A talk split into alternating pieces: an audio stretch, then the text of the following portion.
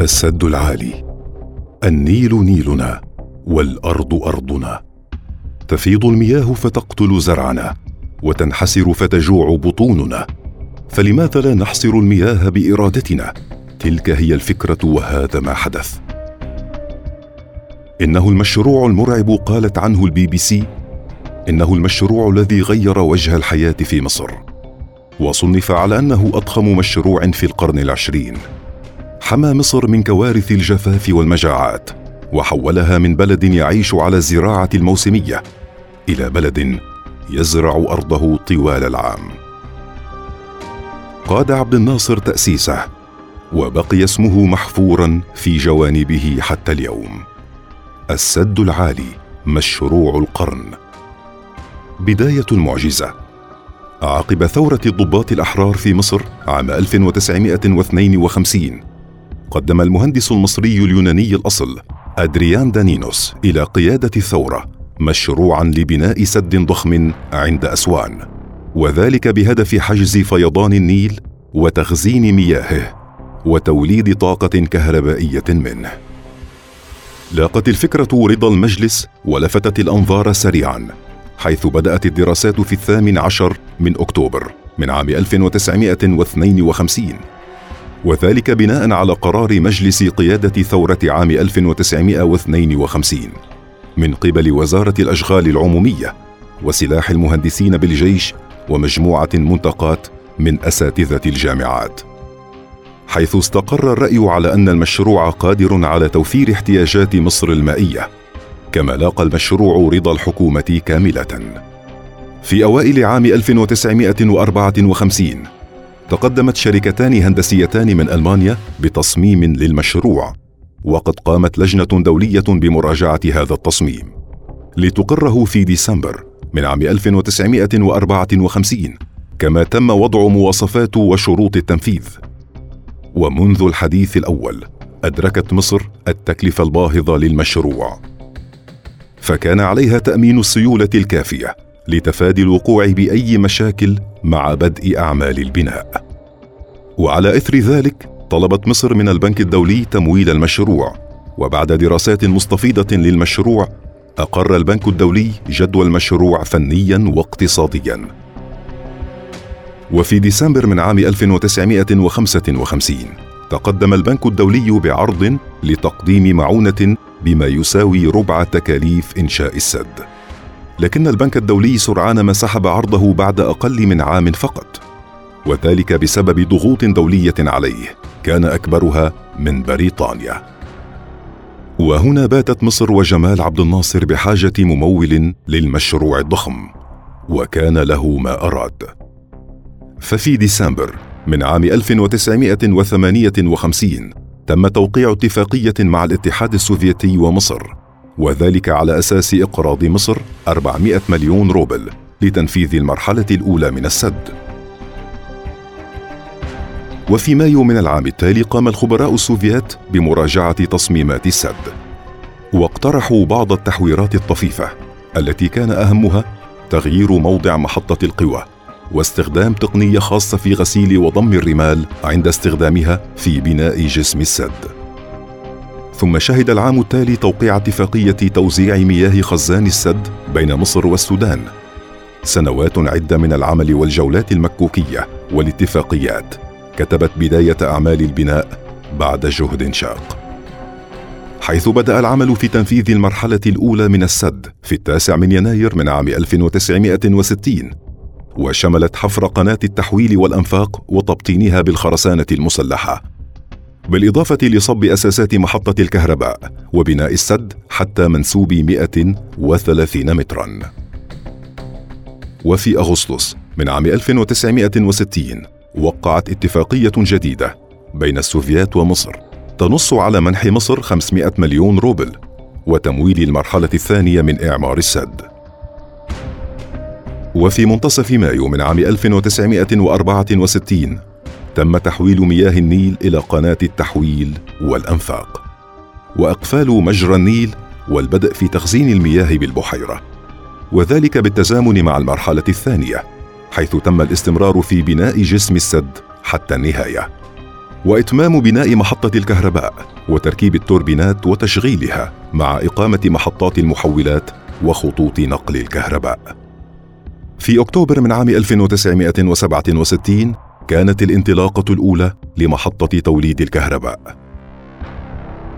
كما تم في العام التالي البدء بنقل الخزان وفي عام 1970 اكتمل المشروع بالكامل ليتم الافتتاح العظيم للسد العالي في الخامس عشر من يناير عام 1971 السد العظيم السد العالي هو سد ركامي على نهر النيل في مدينة أسوان جنوب مصر يبلغ طوله عند القمة 3830 مترا منها 520 مترا بين ضفتي النيل ويمتد الباقي منه على هيئة جناحين على جانب النهر.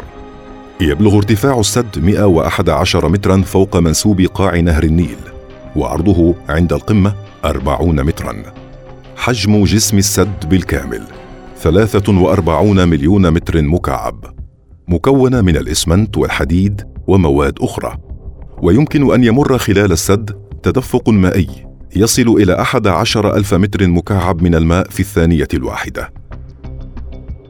تقع محطة الكهرباء على الضفة الشرقية للنيل معترضة مجري قناة التحويل التي تنساب منها المياه إلى التوربينات.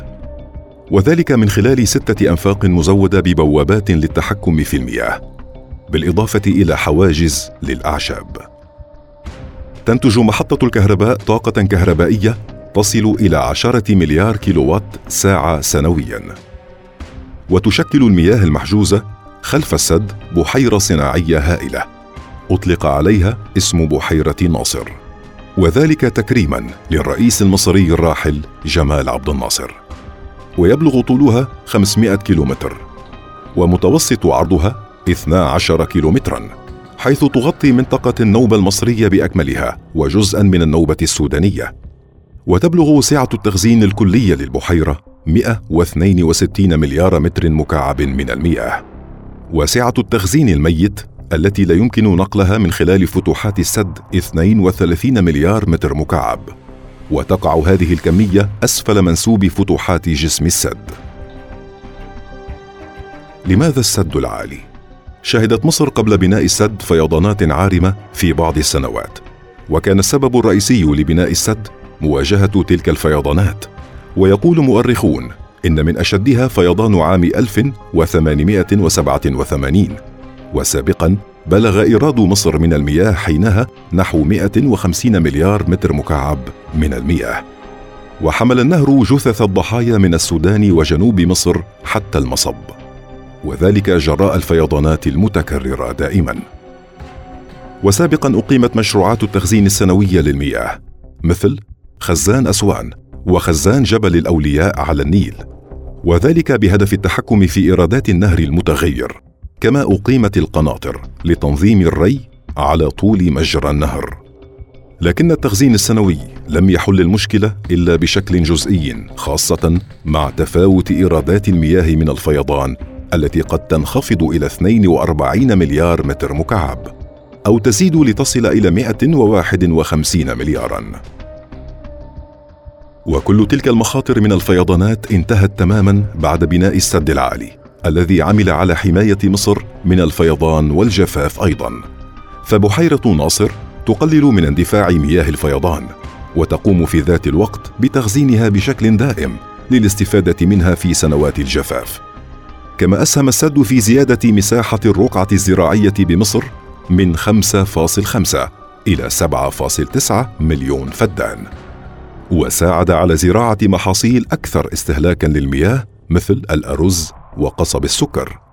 كما أنه أدى إلى تحويل المساحات التي كانت تزرع بنظام الري الحوضي إلى نظام الري الدائم. ووفر الطاقة الكهربائية التي تستخدم في إدارة المصانع وإنارة المدن والقرى كما أدى إلى زيادة الثروة السمكية عند طريق بحيرة ناصر وكذلك تحسين الملاحة النهرية طوال العام. يؤكد محللون أن السد حمى مصر من كوارث الجفاف والمجاعة في سنوات الفيضانات الشحيحة مثل الفترة من عام 1979 إلى 1987 حيث تم سحب ما يقرب 70 مليار متر مكعب من مخزون بحيرة ناصر. وذلك لتعويض العجز السنوي في الإيراد الطبيعي لنهر النيل كما حمى السد مصر من أخطار الفيضانات العالية التي حدثت في الفترة من عام 1998 إلى عام 2002 ليكون بذلك من أفضل المشاريع بتاريخ مصر ومن أكثرها فائدة للشعب المصري.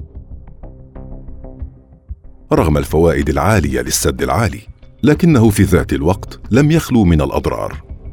حيث أدى بشكل رئيسي لتقليل خصوبة بعض الأراضي الزراعية في مصر التي كانت تعيش بالسابق على الطي القادم من هضبة أثيوبيا والذي بدوره كان يعمل على تجدير التربة.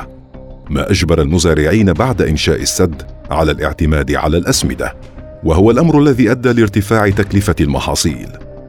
كما أسفر بناؤه وفق موقع ناشونال جيوغرافيك عن غرق مواقع أثرية كثيرة لا تقدر بثمن.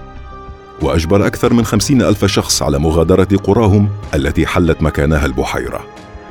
ولعل أبرز نقاط الضعف فيه أنه تحول إلى هدف عسكري تهدد فيه مصر دائما. فقد هددت إسرائيل سابقا بقصفه عدة مرات. وخلال التوتر المصري الإثيوبي عام 2013 هدد أديس بابا بقصف السد العالي. وذلك في حال أقدمت مصر على قصف سد النهضة على الجانب الآخر. وبعيدا عن الكوارث فقد صنف المشروع على أنه أكبر وأضخم مشروع هندسي في القرن العشرين من الناحية المعمارية والهندسية ليتفوق حينها على عشرات المشاريع العالمية العملاقة. ولا يزال حتى اليوم السد العالي الذي يسقي عطاش مصر وقت الضيق ويمدها بالنور إلى الأبد.